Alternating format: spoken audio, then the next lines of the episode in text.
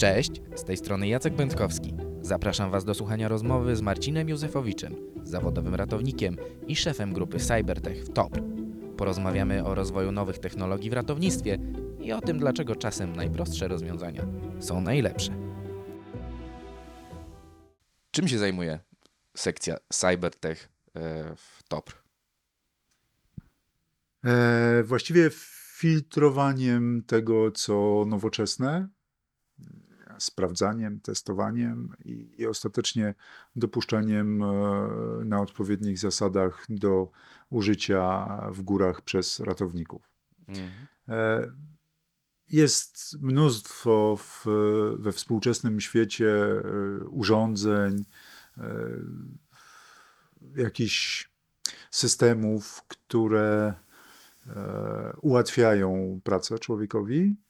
E, Ułatwiają dzięki temu, że mamy tam jakiś procesor, pamięć, e, jakiś program, który wykonuje określone rzeczy e, za człowieka, na pewno robi to szybciej. E, Ale te sprzęty nie zawsze właściwie działają w górach. Tak? Zresztą prowadząc różne szkolenia, cały czas uczulam ludzi na to, że żeby pamiętali, że umiejętność pracy analogowej e, w górach jest niezwykle ważna. To powinien być fundament e, każdej działalności, bo często się zdarza, że te, te nowe technologie niestety w górach nas zawodzą. I w tym momencie, jak się kończy e, już korzystanie z nich, no to po prostu w tym momencie wdrażamy nasz własny procesor w głowie, nasze mięśnie i, po prostu pracujemy analogowo. No i właśnie. y, Do czasu powstania sekcji Cybertech e, byliśmy może nie zalewani e, ofertami, ale cały czas tutaj e, wpadały nam na różne, czy to skrzynki mailowe, czy, czy pojawiali się przedstawiciele różnych firm i oferowali swoje produkty, swoje systemy, twierdząc, że tak, oczywiście to ma odpowiednie IP, to było testowane, jeżdżone, potem było czołgami i tak dalej, a w związku z tym, żeby kupić, kupić, że to się na pewno przyda. E, No i, i na pewno wiązało się to z dużą niepewnością tego typu oferty. Mm, I w sumie przed powstaniem sekcji już oczywiście nie kupowaliśmy w ciemno sprzętu, tylko no, były próby, no to dobra, to, to jest zakres zainteresowania któregoś z ratowników, on, on się za to brał, rozkminiał, testował, próbował popsuć. E, Niektóre rzeczy udawało się popsuć bardzo szybko, w związku z tym szybko oddawaliśmy. Nie, nie, to nie dla nas.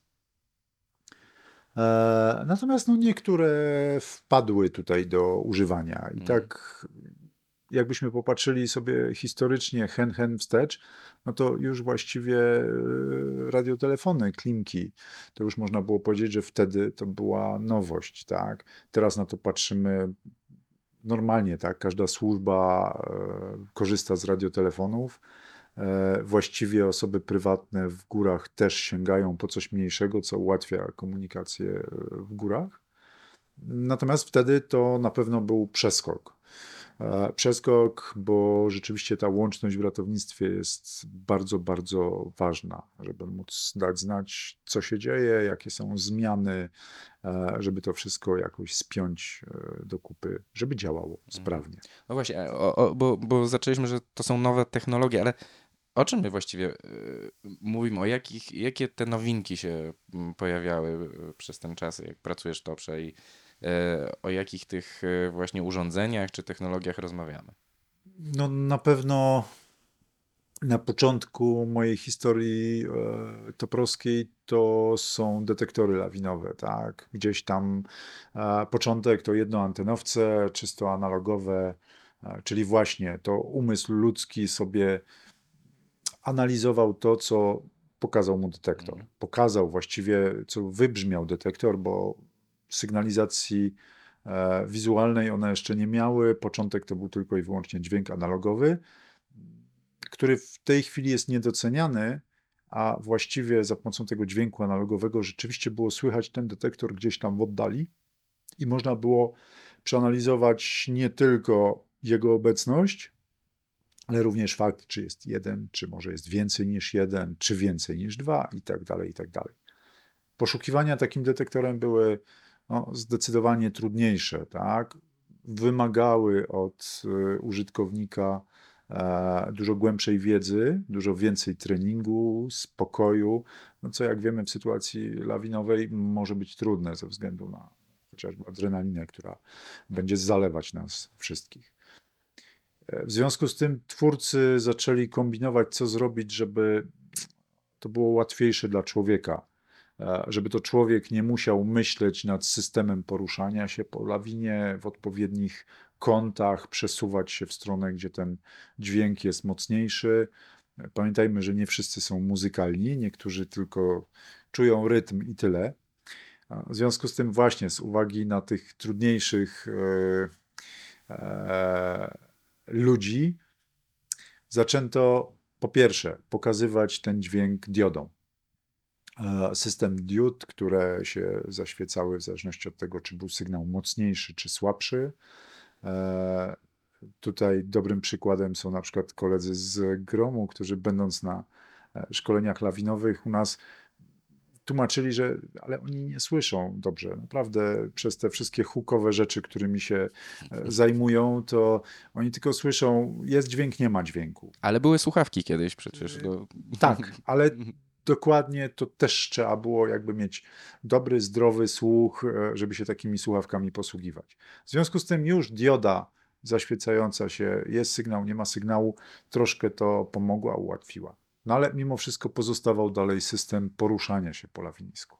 No to, żeby to przeanalizować, skoro użytkownik musiał zmieniać jakby kąt nasłuchiwania z tej lawiny, obracać tym detektorem, no to może wprowadzić drugą antenę, tak? No i właśnie zaczęła się rywalizacja pomiędzy firmami, które produkowały detektor. Bardzo dobrze, no bo na tym dobrze wyszli użytkownicy. Już mieliśmy detektory, które pokazywały odległość i kierunek, no bo to te dwie anteny łapały sygnał, w tym momencie procesor, pamięć, odpowiedni program sobie to wszystko analizował i pokazywał nam na ekranie najczęściej, albo znowuż w postaci diod, e, kierunek. Niektóre kierunek i wartość siły tego sygnału, czyli to przetwarzał jako odległość.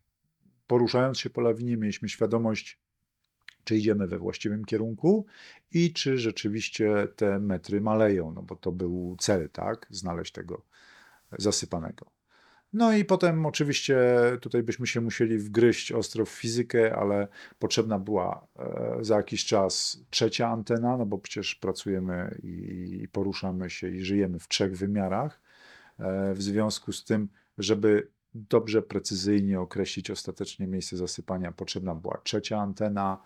E, Do tego być może rozpoznawanie różnic pomiędzy różnymi tonami detektorów. I tak w tej chwili, po ponad 30 latach tej ewolucji, mamy detektory trzyantenowe z oznaczaniem konkretnego sygnału, po to, żeby e, już widzieć następny sygnał, gdyby taki był konieczny do poszukiwania. Mm, I wszystko byłoby dobrze, gdyby nie jeden problem. Mianowicie detektory, mówiliśmy dawniej analogowe, w tej chwili cyfrowe. Ideał to jest połączenie tych dwóch rzeczy, czyli detektor cyfrowo-analogowy. E, To znaczy, procesor, pamięć, program, to wszystko analizuje sobie poziom sygnałów na tych trzech antenach, pokazuje właściwie strzałeczkę, wszystko tip-top, ale dźwięk, jeżeli pozostanie dźwiękiem analogowym, to chociażby pozwoli nam e, ocenić sytuację, w której to zakłócenia, a nie rzeczywisty Mm. sygnał detektora, e, zaczyna pokazywać, e, zaczyna być prezentowany na detektorze jako właśnie kierunek, metry, a to nie jest sygnał detektora, tak? To są tylko zakłócenia. Czyli jest takie ryzyko, że jakby tak jak z każdą technologią, że być może za daleko idący rozwój tych wszystkich cyfrowych funkcji po prostu w gruncie rzeczy będzie zagrożeniem dla użytkownika, że za bardzo zaufa na przykład takiemu rozwiązaniu? Tak, jeżeli się obetnie funkcje, które dawniej e, w jakiś sposób jednak angażowały ten nasz rozum, yy, analizę i, i pozwalały na to, żeby stwierdzić, aha, to są zakłócenia, a tu rzeczywiście słyszę dźwięk detektora. I tyle. To jest taka dodatkowa informacja, która potrafi, e, jakby pozwoli nam rozpoznać, czy zakłócenia, czy sygnał. Jeżeli ten dźwięk analogowy e, producent detektora nam zabierze, uprości detektor, stwierdzi, nie, no to, to jest bardzo zaawansowane, to, to jest niepotrzebne, no to oczywiście w prostych sytuacjach sobie poradzimy. Ale tym samym my, ratownicy, e, mamy może nie sporo, ale mamy zgłoszenia, e, w których ludzie są przekonani, że słyszą, że widzą e, jakiś sygnał, gonią po lawinisku, alarmują, a po jakimś czasie się okazuje, że nie, że po prostu gonił za duchem, gonił za zakłóceniami. Najczęściej to są zakłócenia z rzeczy, które sami nosimy, czyli jakieś tam kamery GoPro, zegarki z Bluetoothem, słuchawki, telefony. E, jeżeli to wszystko dalej jest włączone, dalej sobie nadaje, no to niestety e, oprogramowanie detektorów czasami e, stwierdzi, że o, właśnie to jest sygnał, bo pojawia się w sposób mm. rytmiczny i, i, zacznie nas prowadzić. A czy ty widziałeś, była taka na przykład jakaś taka, poza jakby trzema antenami, no bo teraz doszliśmy do tych trzech anten, czy była jakaś taka rewolucyjna zmiana w pewnym momencie w tych detektorach, że nie wiem, moc obliczeniowa tych yy, procesorów na tyle się zmieniła w pewnym momencie, że stwierdziliście, no rzeczywiście teraz to nastąpiły zmiany, działa to szybciej. Czy, czy jest to taka dosyć linearny rozwój? Raczej e, detektory, które miały trzy anteny, e, jeżeli, jak dla nas, ratowników, tak, którzy no, muszą obsłużyć też te trudniejsze scenariusze, e, to nie było tak, że to nagle taki skok. Widać, że współczesne detektory trzyantenowe są odrobinkę szybsze, ale z drugiej strony fizyka płata na tyle dużo figli pod tytułem na przykład sygnału, sygnały, które zaczynają się nakładać, e, że rzeczywiście z punktu widzenia ratownika, który trafia na lawinę z większą ilością zasypanych, a jeszcze do tego blisko siebie, to cały czas się uciekamy do takich technik e, z pogranicza e, analogu i cyfry. Tak? Mhm. Czyli oczywiście detektor pracuje, detektor nam umożliwia oznaczanie i tak dalej, ale zdarza się, że w niektórych trudnych sytuacjach wyłączamy to i sięgamy po taki no, alternatywny sposób e, z analogiem. I oczywiście patrzymy na podpowiedzi a propos kierunku i odległości, ale oprócz tego staramy się jeszcze naszą głową coś dodatkowo policzyć. Mm. Wydaje mi się, że to troszkę jak w szachach, tak? gdzie, gdzie dopiero teraz powoli osiągamy moment, kiedy człowiek zaczyna przegrywać e, z komputerem. Mm e, powoli zaczyna przegrywać, a przecież no, wiadomo, że komputery mają, można by było powiedzieć, moc obliczeniową dużo, dużo większą, a jednak człowiek wygrywa. Dlaczego? No właśnie, takie e, umiejętność na pewno rozpoznania wielu rzeczy, szacowania wielu rzeczy z daleka, w ogóle nie zagłębiając się w obliczenia w tym kierunku, a komputer po prostu liczy wszystko. No tak, trzeba by wprowadzić te wszystkie dane. Jak jesteście tam na lawinisku, to wy te dane zbieracie po prostu rozglądając się, a tak. komputerowi trzeba by powiedzieć, co się dzieje i może ta sztuczna inteligencja teraz by to była w stanie przeanalizować, jakby się powiedziało coś. Ale y, dużo rozmawiamy o detektorach, a y, sekcja Cybertech, której, od której zaczęliśmy rozmowę, no to to jest też ten sprzęt, którego wy używacie w innych sytuacjach, nie tylko lawinach, prawda? Bo E, obserwujemy coraz więcej tego sprzętu chyba w waszym użyciu. Tak, tu właściwie no, każda dziedzina e, ratownictwa e, ma swoją specyfikę, gdzie potrzebujemy często czy to pomiarów dotyczących sił działających na przykład na stanowisko. Nie działamy w takim zakresie tylko i wyłącznie na przykład takim jak wspinacze, czy tylko takim jak speleolodzy. E, jednak pojawiają się tam inne materiały, jak dynema, e, inne wykorzystanie, inne obciążenie tych stanowisk. No i tutaj chociażby, no, nie wiem, potrzeba odpowiednich tensometrów, które by pozwoliły na zmierzenie, e, jaka jest prawda. Na pewno wiele rzeczy można byłoby robić na wyczucie, ale to wyczucie e, znowuż człowieka bywa omylne i lepiej mieć fakty niż coś zgadywać, coś przypuszczać. I, jakby no po to właśnie powstała sekcja, żeby te e, różne nowinki, które przychodzą z zewnątrz, Mhm. przejrzeć, czy to być może się nada i dla jakiej sekcji wewnętrznej e, topru. I w drugą stronę, e, jakby ta sekcja zbiera wnioski z topru, e, jakie są potrzeby, jakiego sprzętu potrzebujemy na już. E, I wtedy zaczynamy się rozglądać i szukać sami, e, co byłoby najlepsze, co by się sprawdzało w górach i co rzeczywiście, który sprzęt e, dawałby odpowiednie dane. Mhm. A tak obserwując no, przez ponad 30 lat to, jak się ratuje, czy ta nowa technologia wpływa na to, jak się ratuje? Czy znów tu wracamy do tego analogowego, że to są najlepsze metody? E, Na pewno trzeba działać i tak, i tak.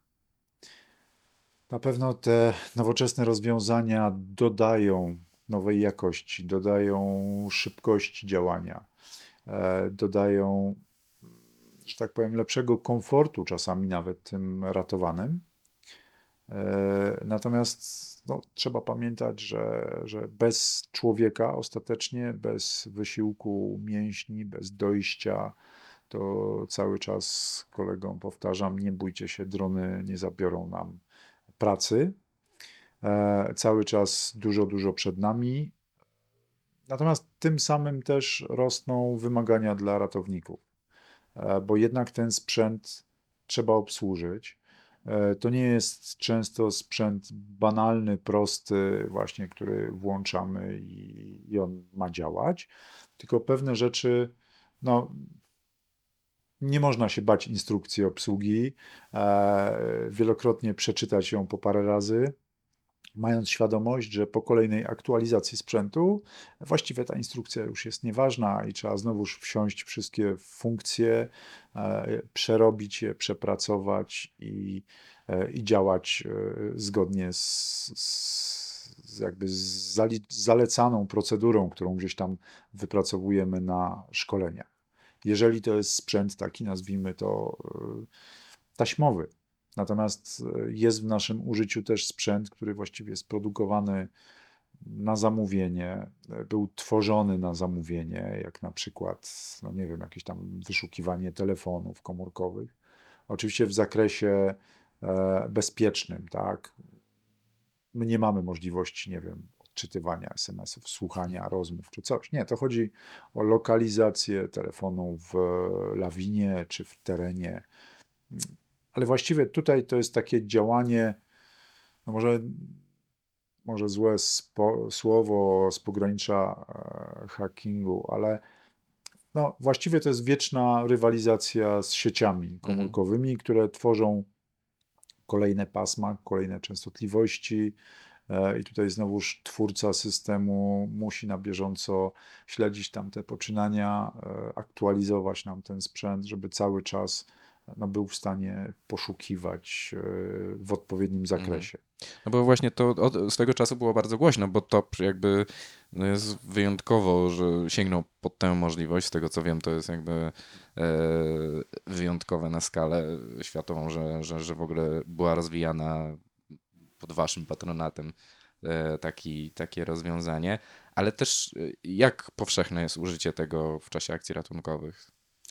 My e, podczas poszukiwań, czy to lawinowych, czy ogólnie poszukiwań takich terenowych, korzystamy ze wszelkich dostępnych sposobów. I właśnie to, to też obciąża pogotowie i to też wymaga od nas właściwie tworzonych na bieżąco coraz więcej stanowisk pracy, troszkę, Mhm. tak by się chciało powiedzieć.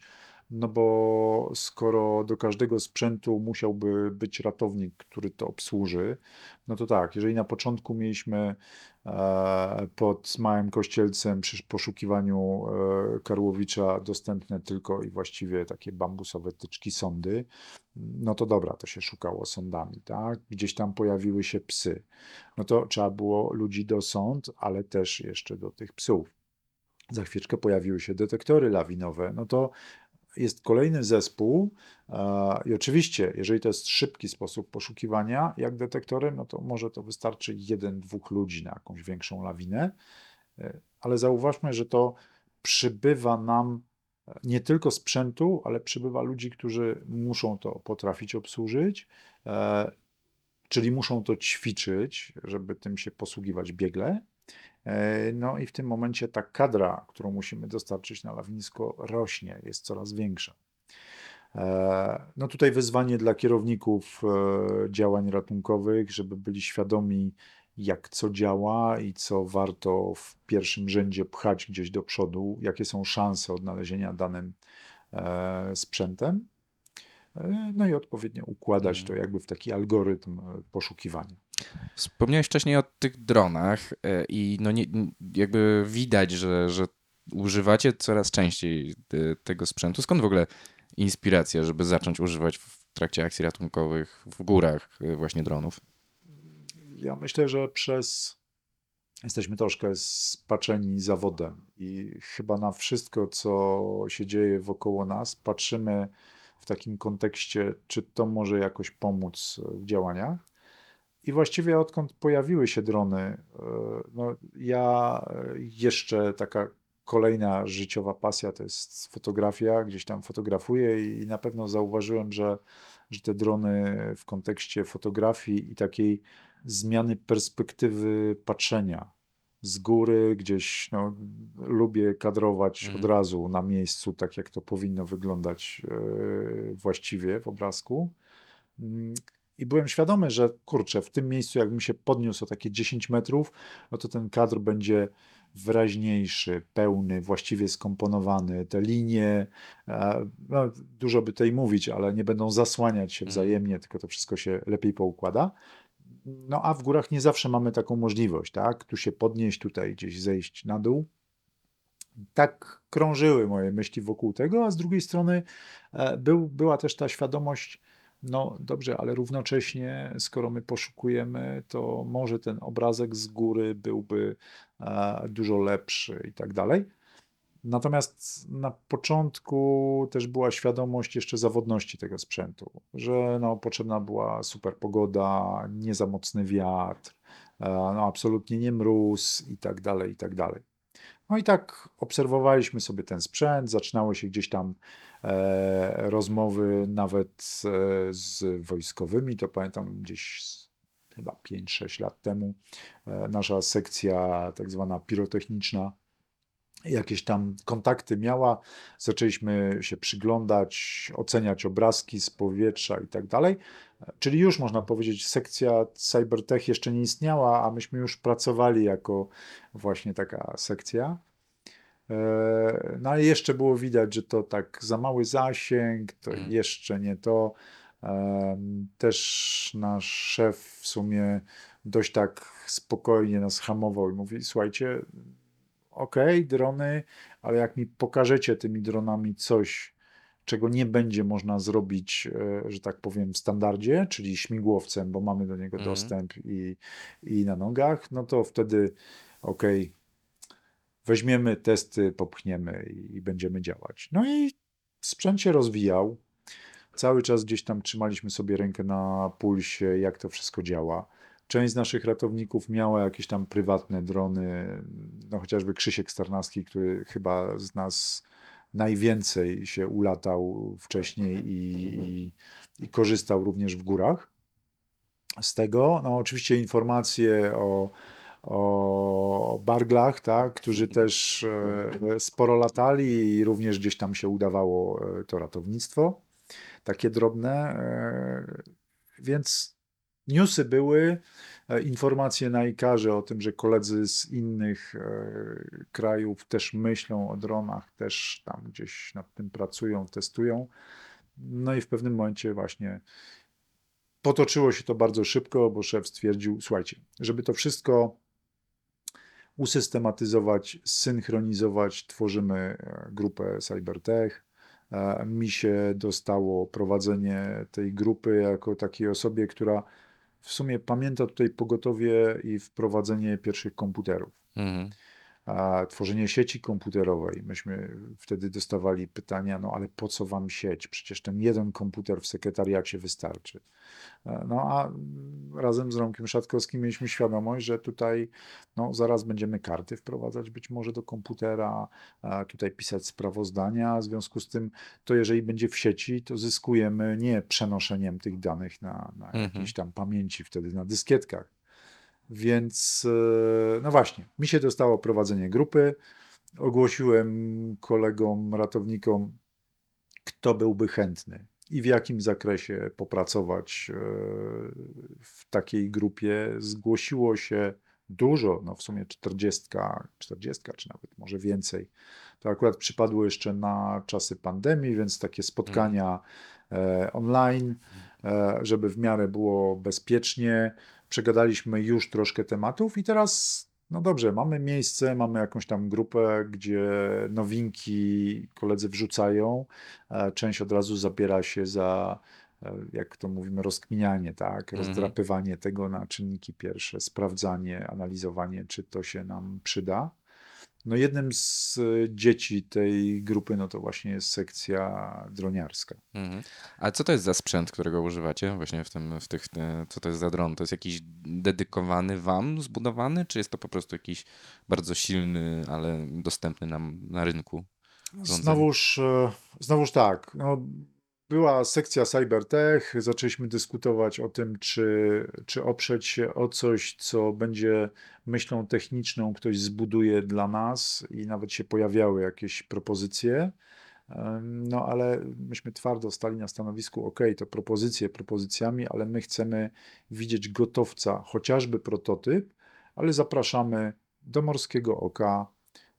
Po naszej stronie będą oczywiście zgody z TPN-u i tak dalej, e, z Polskiej Agencji Żeglugi Powietrznej, e, no bo chcielibyśmy, żeby ta maszyna poleciała na rysy z Morskiego Oka, e, żeby wróciła. wróciła, dokładnie, i żeby po drodze miała wykonać określone zadania, czyli znaleźć kogoś, a może podać mu jakiś malutki ładunek.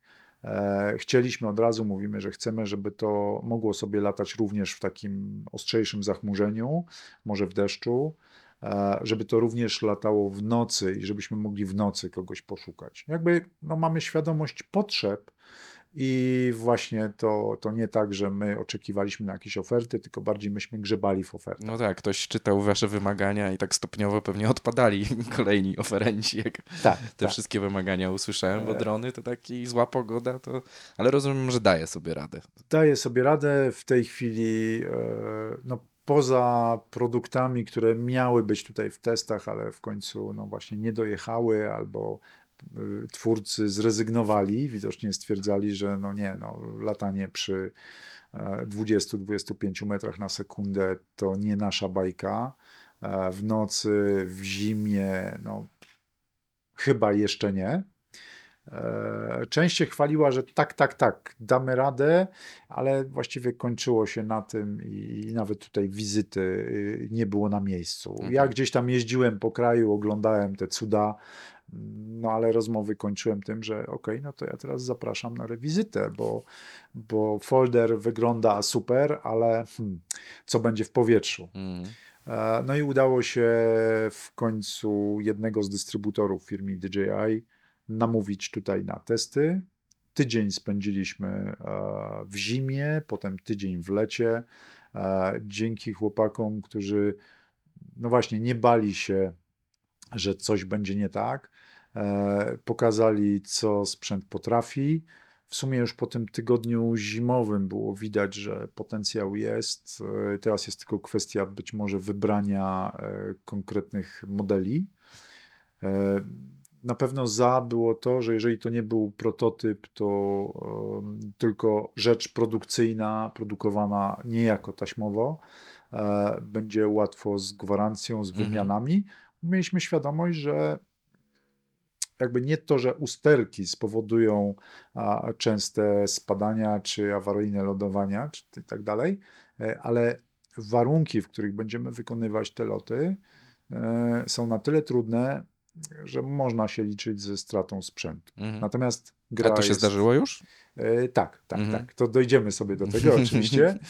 E, Natomiast no, było widać, że właśnie te zyski, straty, zyski są na tyle mocne, że w sytuacji, kiedy nie chcemy narażać człowieka, ratownika, a z drugiej strony chcemy tego ratowanego jakoś czy odnaleźć, czy Mhm. wspomóc jego szanse na przeżycie, no to dron to jest to narzędzie, które nam w tym pomoże. No właśnie, bo to najbardziej widać z tych relacji, bo naczelnik zawsze powtarza, że e, ta akcja ratunkowa jest prowadzona, o ile to zagrożenie jednak dla ratujących nie przekracza pewnego poziomu, no bo nikt nie będzie narażał życia ratowników, e, e, kiedy wiadomo, że to jest zbyt niebezpieczne. I rozumiem, że ten dron w tym momencie to jest takie narzędzie pierwsze chyba, które, no poza helikopterem, no ale helikopter nie może zawsze latać, które rzeczywiście pozwala zrobić coś, kiedy nie za dużo jest do zrobienia, prawda?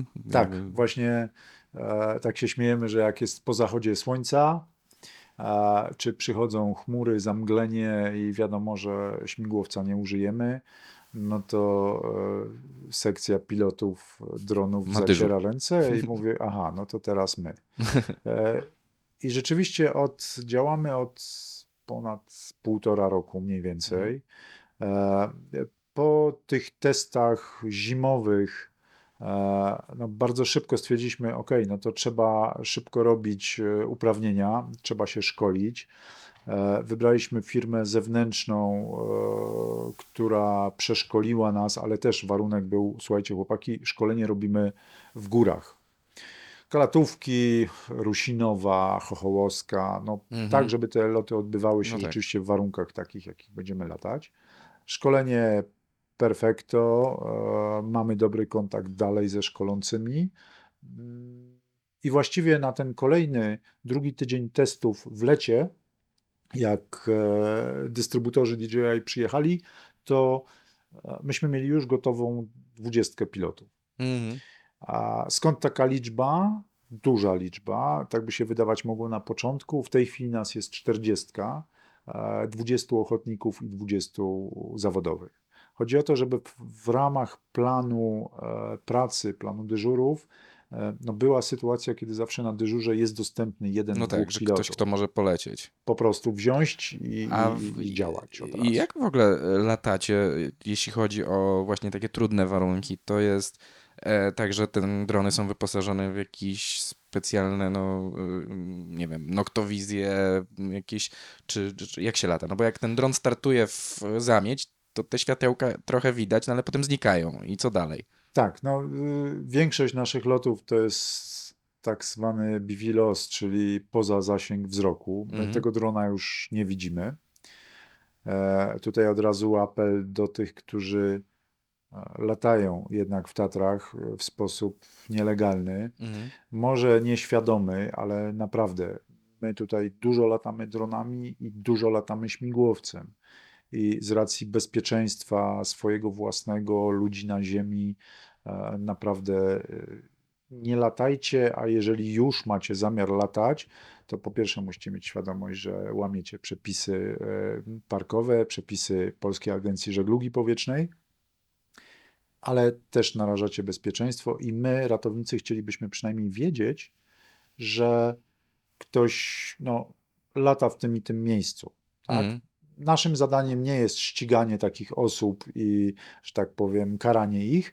E, My dbamy o bezpieczeństwo i, i też chcielibyśmy być bezpieczni. Także chcielibyśmy wiedzieć, co gdzie się dzieje. Także Mhm. tutaj taki e, apel. E, Jak latamy? Na pewno to jest, dużo zyskujemy tym, że znamy teren. Również znamy teren z powietrza. I tutaj właśnie jak chłopaki z DJI przyjechali na ten drugi tydzień testów, lato, morskie oko, no e, wystartowali dron, tak, dron poleciał, ale tak widzimy, że tak leci zachowawczo, tak mówimy, dawaj, tu jeszcze, jeszcze masz dużo do ściany, spokojnie. Em, I w pewnym momencie się takie pojawiło, a, a chcecie wylatać? Mówimy, no w sumie tak, jest tutaj dwudziestka już Pilotów. e, pilotów. Akurat na tym spotkaniu była nas chyba czwórka czy piątka. Mówimy, no to dawaj kontroler. Tym bardziej, że na dwóch kontrolerach można było latać. Specjalnie taki podział e, jakby obowiązków e, żeby nie przeciążać jednego człowieka, jeśli chodzi o właściwie e, wykonywany lot, a równocześnie obserwacje i tak Mhm. dalej.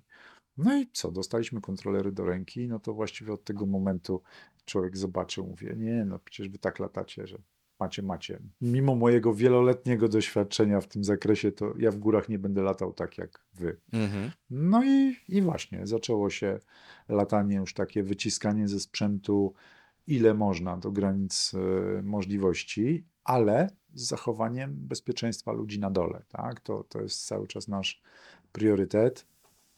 E, Szkolenia, szkolenia, doszkolenie kolejnej załogi i w sumie następna zima, czyli to był rok po tych pierwszych prezentacjach, po drodze były zakupy dzięki pieniądzom e, z Fundacji TOPR. E, Potem pojawiła się możliwość przetargu e, i pieniążki z MSWiA. Potem znowuż jakieś tam pieniążki z fundacji. E, I dzięki temu rzeczywiście w tej chwili mamy park e, już spory, sześciu takich maszynek do poszukiwania i do przerzucenia e, Mhm. tak ładunku do 300 gram, czyli czołówka, płachta NRC e, jest możliwa do podania. E, Są dwie maszyny już o większym zasięgu z udźwigiem do kilograma. Są dwie maszyny z udźwigiem do 2,5-3 kg i jedna, nasz czarny koń, którego dopiero e, wtaczamy, tak, jak ten koń trojański. E, Dopiero go wpasowujemy w przepisy, w możliwości, doposażamy, e, który będzie w stanie dźwignąć 40, 40 kg. Czyli tutaj już e, Powoli idziemy w kierunku z, y, udźwigu człowieka. człowieka, tak, ale cały czas powtarzam, e, że nie, my zyskujemy tym, że to jest bezzałogowy statek, e, ludzi nie chcemy nosić, chcemy natomiast dostarczać e, no, sprzęt, czasami ciężki sprzęt, już nie tylko ratowanym na Mhm. miejsce, ale również e, ratownikom, którzy, którzy na miejscu działają i którzy potrzebują sprzętu, czasami Mhm. ciężkiego sprzętu, nosze, ciężka apteka lekarska. No bo to też w sumie może ułatwić, jak się tak zastanowić, pracę, że właśnie ratownicy idąc w złych warunkach nie muszą tego wszystkiego dźwigać, prawda? Mogą część sprzętu może być dostarczona Dronem. dronem. Tak, tak, dokładnie. Także tutaj no, znowuż y, staramy się wykorzystać umiejętności lotu bez Mhm. widoczności. To, co wspomniałeś o, o sposobie widzenia, no to póki warunki są takie, że termowizja pozwala nam podglądać obrazek, właściwie wszystkie nasze drony poza Mini dwójką, taką szkoleniową, wszystkie nasze drony mają termowizję.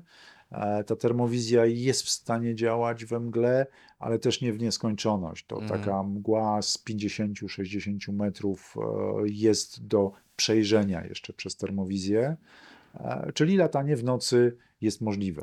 A czy wy jakby wykorzystujecie znajomość topografii lecąc, że tak powiem, na ślepo? Czyli, że jakby Tak. zdając sobie sprawę, jakie jest położenie drona na podstawie, nie wiem, współrzędnych, wiecie mniej więcej, Tak. że jeszcze się ze ścianą nie zderzę teraz. Tak, tak, tak. To, to właśnie historia z Kopą Konradzką z zeszłej zimy, gdzie właściwie zamieć powodowała, że czujniki wszystkie musiały być zbliżeniowe wyłączone. Mhm. Radar, który można było zamontować na urządzeniu, też musiał być odmontowany, bo radar szalał Mhm. tak, wokoło zamieć. E, Widoczność właściwie taka, że w termowizji było ludzi widać z odległości jakichś tam 10-15 metrów i to jest wszystko, tak? Skały, no wiadomo, przy jeszcze dodatkowo e, loty były wykonywane e, przy wietrze w okolicach 20 metrów na sekundę, przy temperaturze, nie wiem, minus 5, minus Mhm. 10. No to człowiek już tworzy sobie od razu wyobrażenie, jakie warunki. I w takich warunkach dało radę e, latać. Oczywiście to było wiele lotów. e, To były loty bez widzialności, ale z oceną tego, gdzie jest dron na mapie, na jakiej jest wysokości, w jakiej lokalizacji i to na bieżąco obliczając sobie z mapy wiedzieliśmy, jak wysoko trzeba polecieć. Też Ograniczeniem był wiatr, który nie pozwalał nam zbyt wysoko polecieć, bo wtedy oczywiście nas Mm. znosiło na Słowację i trzeba było znowuż gdzieś uciekać do ziemi i, i blisko ziemi e, wracać do e, Kondratowej. Mhm. Więc rzeczywiście to też ćwiczymy. Takie loty bez widoczności, bez kamery e, z oceną tylko wysokości na konkretne współrzędne. I tam dopiero w termowizji obniżanie się, wypatrywanie tych naszych e, ratowanych i Mhm. ewentualnie przekazanie im ładunku w ręce. Mhm. My nie wykonujemy zrzutów, e, nie rzucamy niczym, to też ze względu na bezpieczeństwo tych ludzi na dole, tylko podajemy im to na e, odpowiedniej długości repsznurze. Długość wychodzi nam z miejsca, w które musimy podać dany sprzęt. Ostatnio ćwiczyliśmy tutaj podawanie sprzętu na 40-metrowym repsznurze, na dynamie dokładnie, do okienka, po to, żeby było troszkę trudniej. No, chodzi o to, żeby w ścianie też być No. w stanie podać coś tam Mhm. latarniku. E, tutaj dużo, jakby, jak rozmawiamy o tych dronach, one pełnią dosyć istotną rolę w lokalizacji, prawda, Ty- tych, tych osób, ewentualnie poszukiwaniach. E, ale oprócz tego, właśnie, już wcześniej wspomnieliśmy też o tym sprzęcie do poszukiwania z kolei sygnału telefonicznego, e, a swego czasu chyba jest używana, bo pojawiła się aplikacja ratunek, prawda? Też jest takie rozwiązanie, które chyba sporo wniosło do pracy, yy, jeśli chodzi o lokalizację osób, prawda? Tak, to e, właśnie raz to jest sprzęt, ale w wielu momentach to są różnego rodzaju programy, które wspierają ratowników, począwszy od systemu, który nam przyspiesza wydzwanianie się, Mhm. odsłuchiwanie rozmów i tak dalej. Aplikacja Ratunek, która bardzo zgrabnie podaje lokalizację tego, który e, e, prosi o pomoc. Tutaj kolejny apel, e, ta aplikacja działa, mamy odpowiedni tam e, personel techniczny, który no, na co dzień jakby kontroluje e, tą aplikację. W związku z tym, jak ktoś zainstaluje sobie aplikację, to błagamy, żeby nie testować jej w terenie miejskim, bo od tego są odpowiedni ludzie.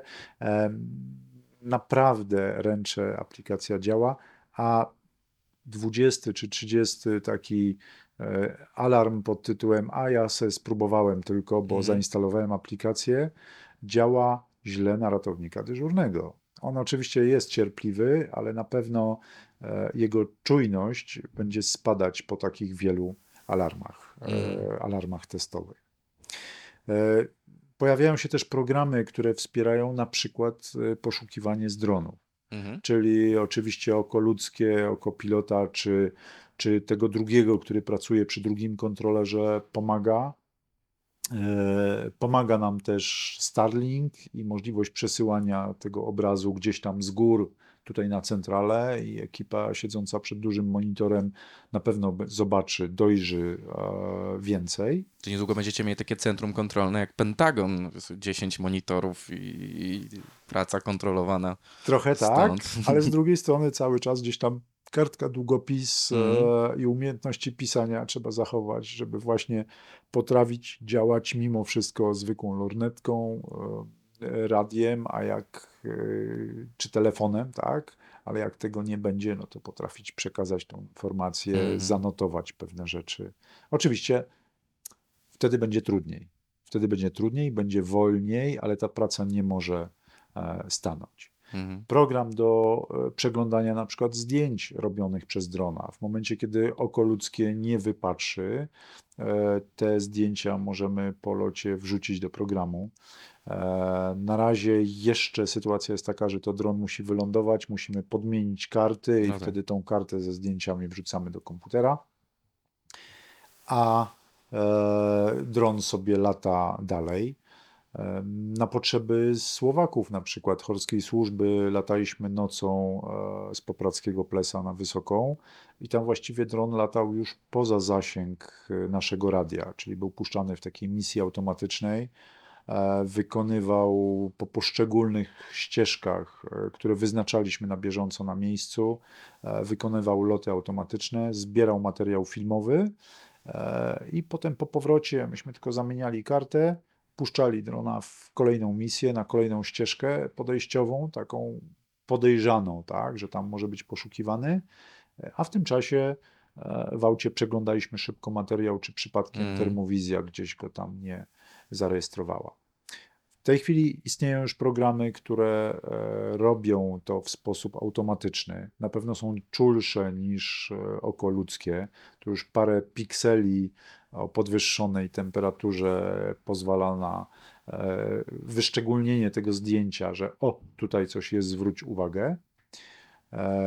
Również testujemy program, który rozpoznaje specyficzne kolory na zdjęciach z drona, czyli to też może ułatwić e, poszukiwanie, bo tym bardziej, jeżeli jest znany ubiór poszukiwanego, No tak. można wskazać jakiś kolor, a nawet jeżeli nie, to zwykle program, program e, nam e, oznacza takie zdjęcia, na których nagle pojawiają się pewne nietypowe kolory dla tła Mhm. poprzednich zdjęć. Także no, programy samouczące Czy jednak się. ta sztuczna inteligencja, powiedzmy, już też zaczyna gdzieś tu się tak, pojawiać, zwłaszcza w tym obszarze poszukiwań. Wręcz e, nawet rozpoznawanie kształtów, tak? gdzie kształt człowieka jest w jakiś sposób specyficzny. Mhm. I tutaj dosłownie te e, parędziesiąt pikseli ułożonych w odpowiedniej formie pozwala potem zobaczyć zdjęcie, że o, rzeczywiście tutaj jest Mhm. fragment człowieka,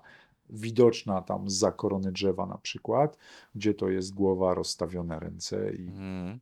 i gdzieś tam można to dojrzeć. Także próbujemy różnymi metodami, tak? Cały czas to jest e, wykorzystanie potencjału człowieka, czyli lata pilot. e, W wielu momentach to jest taki dosłownie nawet na powrocie, o, tu światełko, wracamy, oznaczamy miejsce i potem się okazuje, że rzeczywiście to jest człowiek poszukiwany. Nie jest w lawinie, w której się spodziewaliśmy, jak akcja Mm. w rejonie Suchych Czub Konradzkich. E, lawina na Słowację, on tam zjechał na, na słowacką stronę. E, ale podejrzewam, że e, również przy długich poszukiwaniach e, to, to oprogramowanie rzeczywiście może wykonać kawał dobrej Mhm. roboty. Dużo rozmawiamy o tej nowej technologii z perspektywy ratowników, bo, bo no, tak się spotkaliśmy. Ale no, ty jako człowiek y, żyjący i pracujący w górach od, o, od całe życie, to y, y, jak z twojej perspektywy ta technologia, czy w ogóle zmienia też to, w jaki sposób ludzie eksplorują, jakby z punktu widzenia turysty? Czy coś się zmienia? Jak, jak jakby planowania, poruszania się po górach? Nie wiem, użycie GPS-u, czy coś zmieniło w zachowaniach ludzkich? Tak, zdecydowanie po pierwsze media społecznościowe Mhm. e, nakręcają ludzi do e, takiego stopnia, że często biorą się za wyzwania, e, których nie są w stanie sprostać. E, No, zobaczą, że ktoś to zrobił, no to czemu nie oni? Troszkę jakby nie zadając sobie pytania, czy na pewno są gotowi na tego typu e, działania. No, Mhm. dawniej trzeba było o tym przeczytać w książce, wyobrazić sobie. Wiadomo, mamy różną wyobraźnię, w związku z tym tutaj już samo czytanie książek no na pewno tych ludzi y, obudowywało w, jakąś, w jakiś rodzaj wiedzy o tym, jakie to środowisko.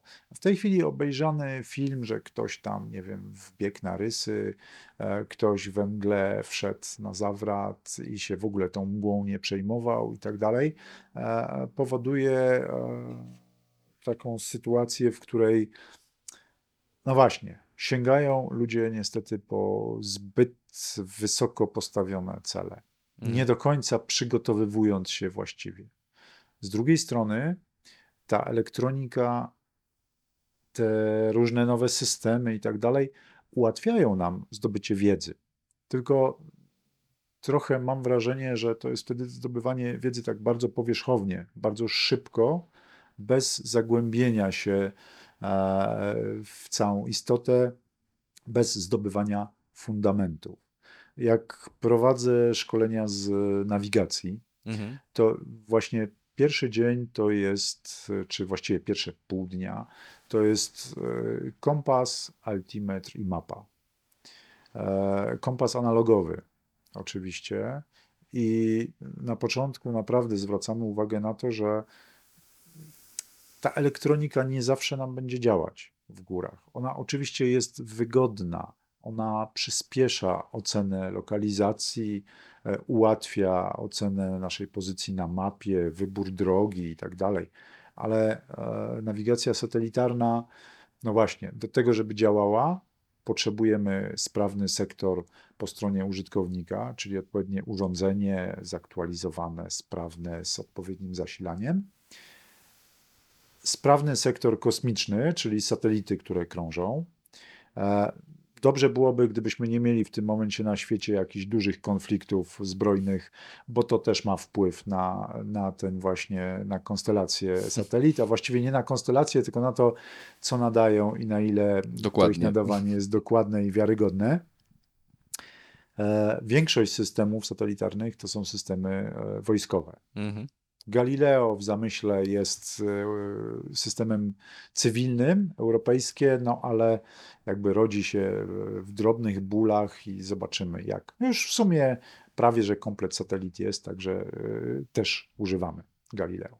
No i wracając do tematu, tak dużo jest tych zależności, potrzeb, że ten człowiek, poważając się o jakieś takie wymagające działania w terenie, opierając swoje działania tylko i wyłącznie na nawigacji satelitarnej, e, będzie bardzo dużo ryzykował, jeżeli nie posiada umiejętności nawigacji analogowej. No tak, bo jeśli nie usiądzie wcześniej i nie będzie wiedział, co mu ten, potem ta nawigacja pokaże tak naprawdę, nie będzie wiedział, gdzie jest, no bo pokaże mu współrzędne, gdzieś jestem na zielonym pomiędzy poziomicami, no ale jeśli wcześniej nie sobie nie zobaczył, jak to mniej więcej wygląda, to Tak, naprawdę tak, za tak. dużo. To, to właśnie, dlatego no, zaczynamy takie szkolenie od, od kompasu, od azymutów, od y, treningu praktycznego w terenie, wyznaczania azymutów w terenie, wkreślania tego w mapę, znalezienie się na mapie, kiedy no, przez las widzimy tylko tam gdzieś może jakiś szczyt,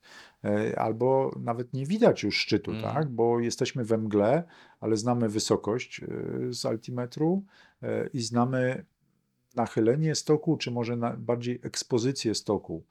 Wiemy, w jakim azymucie opada stok. No i właściwie te dane, pod warunkiem, że wiemy, w jakim masywie jesteśmy, no, pozwolą nam na lokalizację. Aha, i wtedy na mapie jestem tutaj, to teraz, żeby iść odpowiednio w odpowiednią stronę, wyznaczam kolejny azymut i potrafię iść.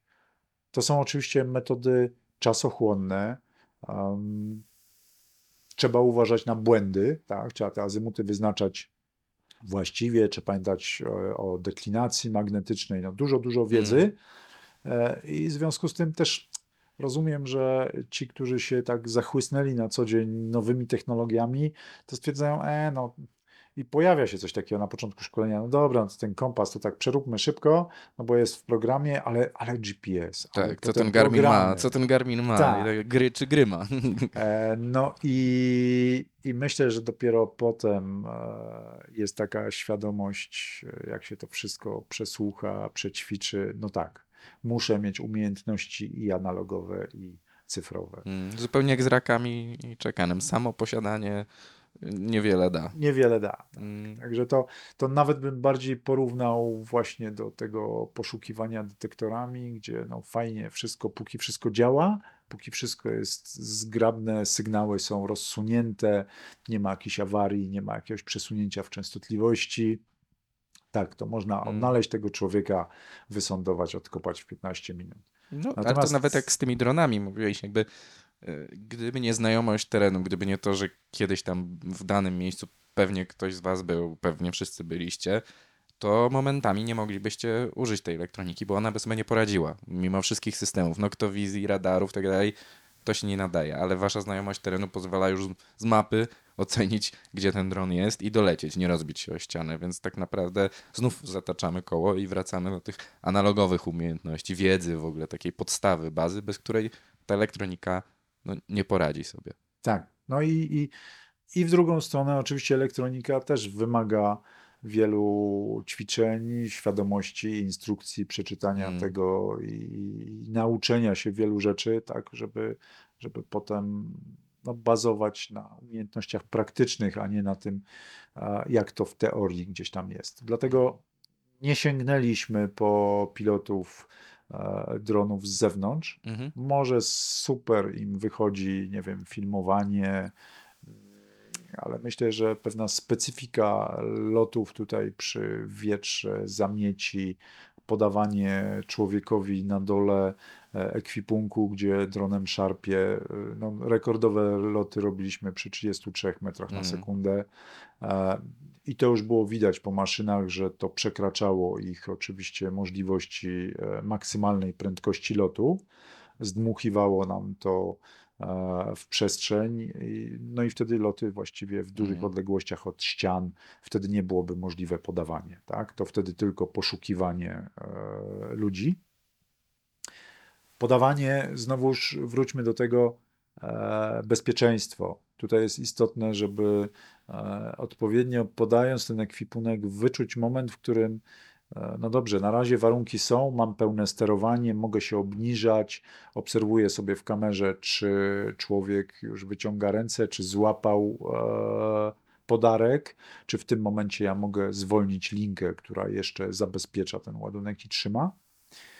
E, A w którym momencie już widzę, że raz baterii nie wystarczy mi, czy wystarczy mi tylko tyle, żeby się odsunąć od nich i wylądować awaryjnie, czy na przykład pojawiło się zalodzenie, które jest no, poważnym wrogiem przy tych lotach, no w ogóle dla wszystkich, którzy używają powietrza do latania.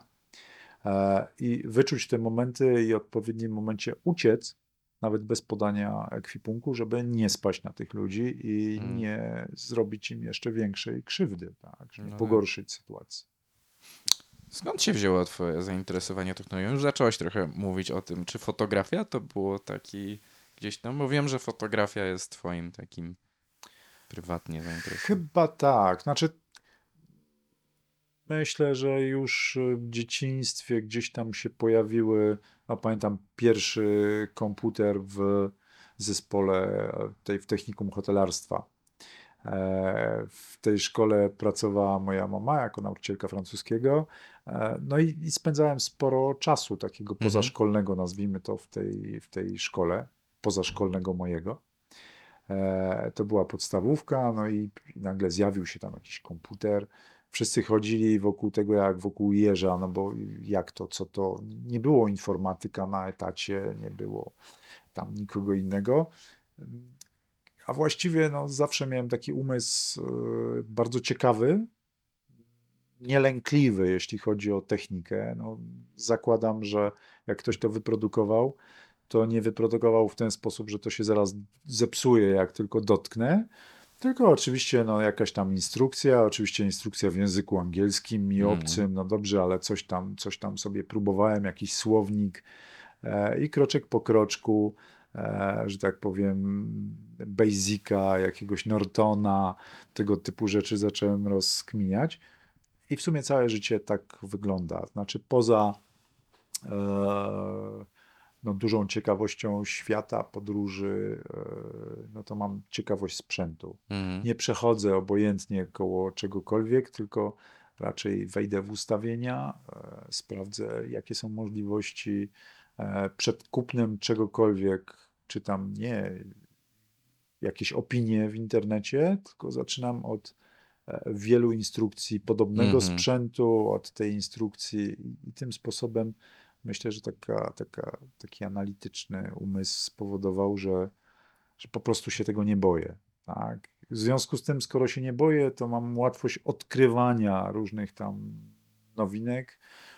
A z drugiej strony, no właśnie, ta ostrożność, której nauczyły mnie góry, Mhm. że to wszystko trzeba po parę razy sprawdzić, ocenić, żeby no, nie doprowadzić do historii już mega tragicznej, em, no to to nauczyło mnie jednak sprawdzać, sprawdzać i takimi drobnymi kroczkami sobie próbować, czy mogę więcej, więcej, co, jakim sprzętem. A co było pierwsze, fascynacja technologią czy górami? Góry. Góry zdecydowanie, no zakopane, to ja się śmieję, że dla nas trzepak, tak jak jest trzepak na, na gdzieś tam innych miejscach, ja u babci w Gliwicach często bywałem i tak patrzyłem, kurczę, jak wy macie tutaj smutno, że te trzepaki i trzepaki, ale jakby też się tam odnajdywałem i, Mhm. i też tam na pewno dużo jakichś takich relacji sympatycznych, e, tworzenia różnych rzeczy, które wybuchały i tak dalej. To też była frajda. E, natomiast tutaj naszym trzepakiem są skały, jest las i, i w sumie od małego, jak pamiętam, z tatą jakieś wędrówki na nartach z jakimiś przyklejonymi fokami, tak, na nartach smyk, czyli takie Mhm. podnoszone piętki. E, bardzo szybko, czyli chyba jakieś 14 lat, 15 lat, już jakieś skały, e, jakieś wspinanie. Dopiero potem klub wysokogórski, bo to u nas właśnie kolejność jest inna, Mhm. tak? Najpierw jakieś tam próby robienia tego Samodzielnie. własnym. Tak, i to, to no nie zawsze jest bezpieczne. Kto przeżyje, ten się nadaje. Działa. Natomiast też no, y, na szczęście nie było social media, czyli nie widziałem, że ktoś tam robi 9A, no to od Mm. razu się za coś takiego nie łapałem, tylko zaczynało się od łatwych rzeczy. Te haki wtedy prawdopodobnie szarpnięte powypadałyby same ze szczelin. No ale tak kroczek po kroczku. e, Apoloniusz Rajwa, profesor, nauczyciel geografii w Ogólniaku, jaskinie i tak Mhm. dalej. Także to wszystko jakby się tak naturalnie rozwijało w kierunku gór. Mhm. Technologia, myślę, że to jest właśnie takie, taka sytuacja, że tu gdzieś się pojawia komputer. E, Długo siedziałem w fotografii analogowej, zanim e, znowuż się zdecydowałem po wielu porównaniach e, różnych rzeczy, że hm, jednak łapię się za aparat Mm. cyfrowy. Ale cały czas jakby ten aparat analogowy gdzieś tam jest w szufladzie. W tej chwili nawet nie w szufladzie, tylko średni syn e, porwał go i męczy fotografię analogową i bardzo dobrze, e, bo na pewno ona dużo więcej uczy. I to jest Mm. dokładnie takie samo porównanie jak, nie wiem, z nawigacją, z dronami, e, czy z inną formą działania człowieka. Analogowe uczy dużo lepiej. To jest pewna wiedza, Mhm. bo jakby żaden algorytm zaraz czegoś tam nie robi. To my musimy wytężyć umysł, żeby ustawić odpowiednie parametry zdjęcia, żeby wiedzieć, co to jest głębia ostrości, e, co to jest chociażby średni, ważony czy punktowy pomiar e, światła, tak? Mm. co to jest e, pomiar temperatury barwowej e, światła. A w tej chwili podejrzewam, że wielu z użytkowników fotografii cyfrowej nawet się nad tym nie zastanowi, bo przecież to za niego robi aparat.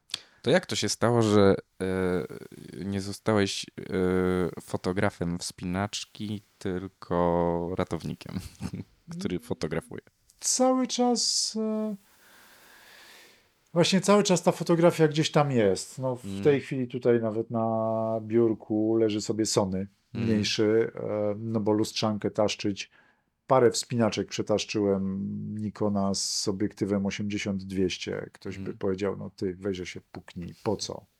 A właśnie po to, że a może będzie jakieś ciekawe ujęcie, ale zdarzyło się tyle dróg zrobionych w Tatrach z aparatem, który nie zrobił żadnego zdjęcia, że jednak sięgnąłem po coś mniejszego. E, A czemu nie fotograf wspinacz, tylko ratownik? Mm, Myślę, że są dwa powody. Pierwszy to no, jednak cały czas chyba częściej patrzę na innych niż na siebie, Mhm. czyli e, chciałbym pomóc innym. Przez to też pewno tak mało dbam o siebie, tak? O to, żebym ja był najedzony, żebym ja był super ciepło ubrany. E, raczej jestem odwrócony w stronę człowieka. E, czyli to wspinanie jakby miało się przydać też jeszcze komuś. Mhm. Bo, bo wspinanie samo w sobie jest zajęciem chyba takim bardzo egoistycznym. Ono bardzo dużo daje człowiekowi, który się wspina e, i odskocznie od tego, co się dzieje na dole i, i pewność siebie, no bo przecież pokonałem tyle przeszkód. Natomiast z drugiej strony jest niezwykle obciążające dla wszystkich innych bliskich, szczególnie osób, rodzin, Mhm. tak? Bo to jest no, jednak, nie oszukujmy się, olbrzymie ryzyko. I w tym momencie, no co, ja z tego coś mam, inni z tego nic nie mają. E, No a właśnie chyba nie jestem takim typowym egoistą, e, mimo że jestem jedynakiem. E, I jakoś tak się chciało innym pomóc. Mhm. To A- jest pierwszy powód. Drugi powód, banalny, e, miejsc udostępnionych do wspinania w Tatrach mamy jakiś tam zasób. A jakbym to ocenił połaciowo, no nie wiem, czy to jest jedna czwarta terenu. No, Nie lubię strasznie Mhm. liczb, chyba jestem bardziej humanistą. E, Natomiast trzy czwarte jest nieudostępnione, tak? Tam jest zakaz wspinania. Ale znowuż, wracając do tych początków, no to jak człowiek był dzieciaczkiem, tak, i gdzieś tutaj nieopodal w reglu były skałki, to, to nawet nie myślał, czy tam wolno, czy tam nie wolno, czy tam jest jakiś zakaz. E, oczywiście szedł się wspinać. E, czasami to się kończyło jakąś tam wizytą strażnika, a przecież co wy tu robicie? E, czasami się uciekało, skocznią zjeżdżało po igielicie gdzieś tam, żeby uciec tym strażnikom. A czasami kończyło się jakimś tam e, pouczeniem. E, mandatu nie zapłaciłem, ale, e, ale jakby no, nie nadużywałem tego, że nie wolno. Zacząłem nadużywać wtedy, kiedy wstąpiłem do toplu, tak? Znaczy nadużywać. Wtedy wolno mi było, no bo jako ratownik powinienem znać Teren. cały teren Mhm. gór, nie tylko jakieś tereny udostępnione, w związku z tym wtedy otworzyła się furtka pod tytułem Mogę wszędzie, tak? I, I myślę, że to też był jeden z dość istotnych powodów. To już mamy nadzieję, że nas nie słuchają.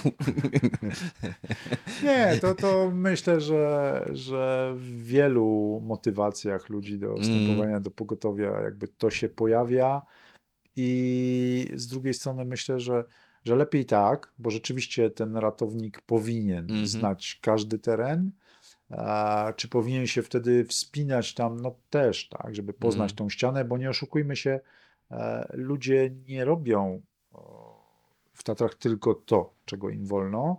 I wtedy ratownicy muszą ratować również i tych, którzy no, złamali prawo, tak? Mhm. Poszli się wspinać w Giewont. E, I podejrzewam, że dzięki temu, że w ten Giewont wiele razy w zimie e, zaglądałem wspinaczkowo, no to mam rozeznanie ściany i w związku z tym nie obawiam się w chwili, w której padłaby informacja wypadek taternicki na takiej takiej drodze. Mhm. Nas troszkę te jakby przepisy, jeśli chodzi o udostępnienie parku, nie chcą nas obchodzić. e, Dlatego też, no znowuż, dobrze nam wiedzieć, jeżeli jakiś zespół wspinaczkowy pójdzie się wspinać, nawet jeżeli pójdzie się wspinać w teren nieudostępniony, no to po prostu będziemy wiedzieć, w związku z tym wstępnie możemy się przygotować na Mm. ewentualne działanie.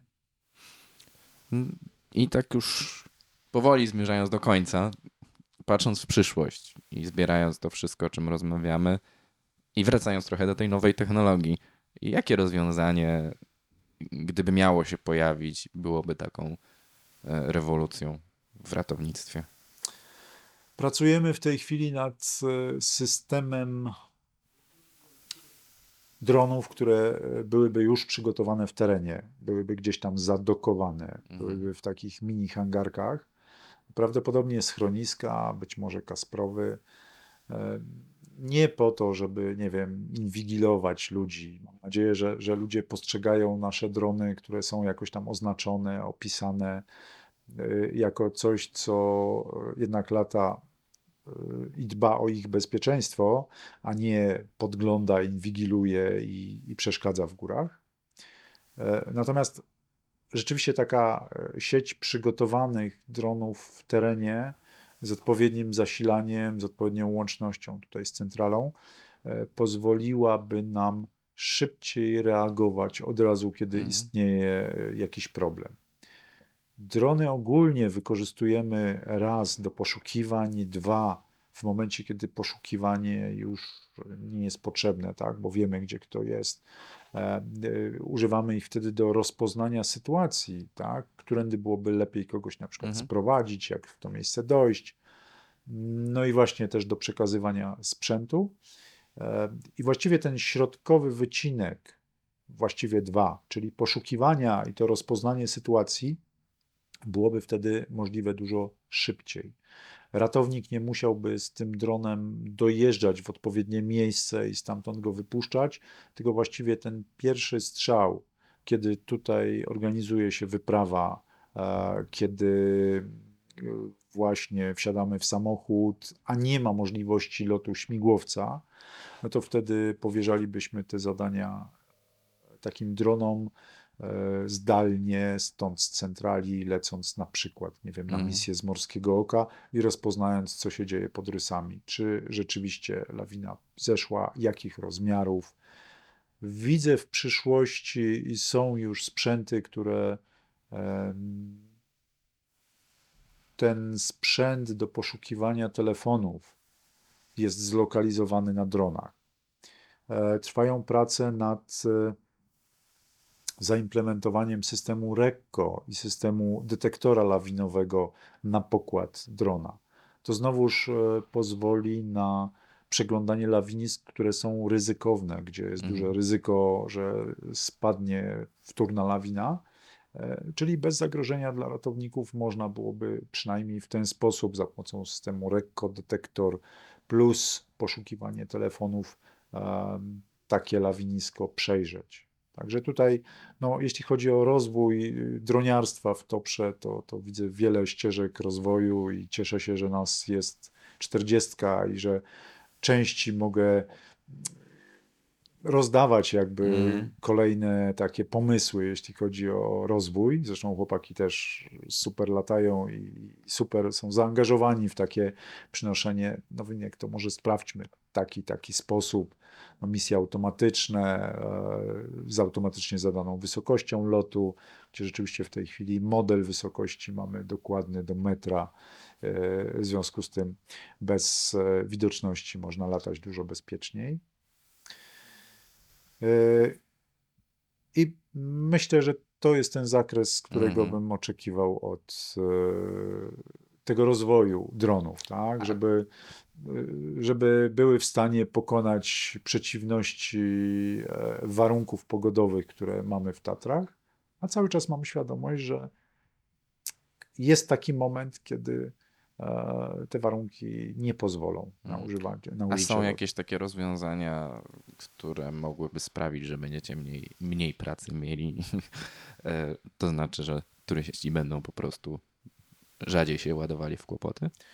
Myślę, że to nie są rozwiązania. Zdarzają się takie punkty w e, historii, jak na przykład pandemia, gdzie no po prostu było mniej pracy, bo, bo nie było ludzi w górach. Mhm. Tendencja raczej ilościowa jest coraz większa. W związku z tym też dobrze, bo czujemy się potrzebni. Mm. nie tak, że stworzyliśmy, nie wiem, jakąś potężną organizację, w której no, tylko siedzimy i zacieramy ręce i czekamy na wypadek, tylko raczej jesteśmy tak na pograniczu przepracowania i, i takiego oczekiwania, czyli nie ma syndromu strażaka ochotnika, który gdzieś tam pójdzie podpalić coś, żeby, Mm. żeby zadziałać. E, Natomiast e, jeśli chodzi o ilość, sądzę, że ilość wypadków cały czas będzie rosnąć. To wymaga e, od naszej organizacji przeobrażania się. Już nie wystarcza malutka organizacja, stowarzyszenie. Tutaj potrzebne są już struktury szkoleniowe, e, kontrolujące sprzęt, właściwie non-stop magazynier dostępny, wiele checklist, które pozwalają nam ten ogrom sprzętu e, na bieżąco sprawdzać i, i trzymać go gotowym do roboty. Czyli wracając, trzeba się uczyć, ludzie muszą po prostu szkolić się i nabierać umiejętności. To tylko nowy sprzęt za nich tego nie załatwi, że będą bezpieczniejsi w górach. Tak, tak. No, ja zawsze powtarzam, że człowiek w górach musi być świadomy, świadomy zagrożeń, świadomy ryzyka i brutalnie mówiąc, no, każdy w górach może się zabić, taka jest prawda, e, byle to zrobił świadomie. Brutalne słowa, e, szczególnie e, jeżeli to słyszą ludzie, którzy stracili na przykład kogoś w górach, ale są różne wypadki. Są wypadki losowe, gdzie rzeczywiście człowiek dochowuje e, wszelkich starań e, i nawet robi jeszcze więcej, a mimo wszystko doznaje uszczerbku na zdrowiu, czy też traci życie.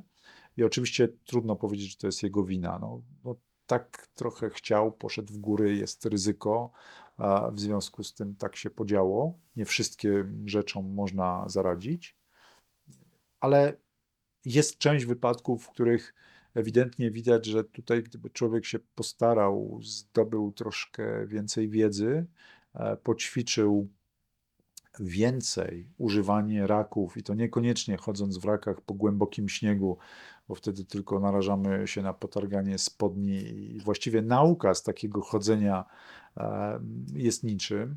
E, kurs weekendowy, no, fajny, jeżeli to jest tylko y, poznanie informacji, umiejętności technicznych, ale musimy mieć świadomość, że po nauce czegoś w weekend e, my tylko znamy same parametry techniczne i, i teraz musimy przejść w tych rakach. Ja się śmieję, że po nachyleniach takich od 30 stopni do 90, e, przejść w tych rakach wiele, wiele kilometrów i wtedy dopiero powiem, potrafię chodzić w rakach. Czyli tutaj ta gradacja celów e, powinna być najważniejsza, a człowiek we współczesnym świecie jest bardzo niecierpliwy.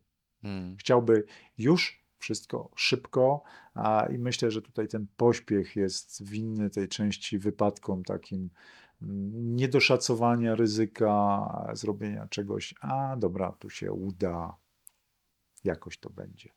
Czyli prosimy wszystkich o mniej pośpiechu w górach. Tak, cierpliwość.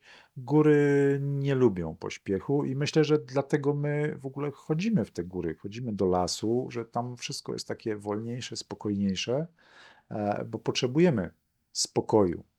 Tylko no właśnie y, powinniśmy wtedy nadawać w tym rytmie gór e, i zdobywać wiedzę też spokojniej, a nie próbować przenosić ten szybki świat w góry i zrobić coś szybko, szybko, ale bez sensu, żeby nikt nie zauważył, że to nie ma sensu. Dziękuję za rozmowę. Dzięki. Do zobaczenia. Odcinka wysłuchaliście dzięki wsparciu PZU. Partnerami kursów lawinowych są Black Diamond, Armada, Garmin, Uwex, Odlo, Primus i Pips. Więcej informacji znajdziesz na kurslawinowe.pl.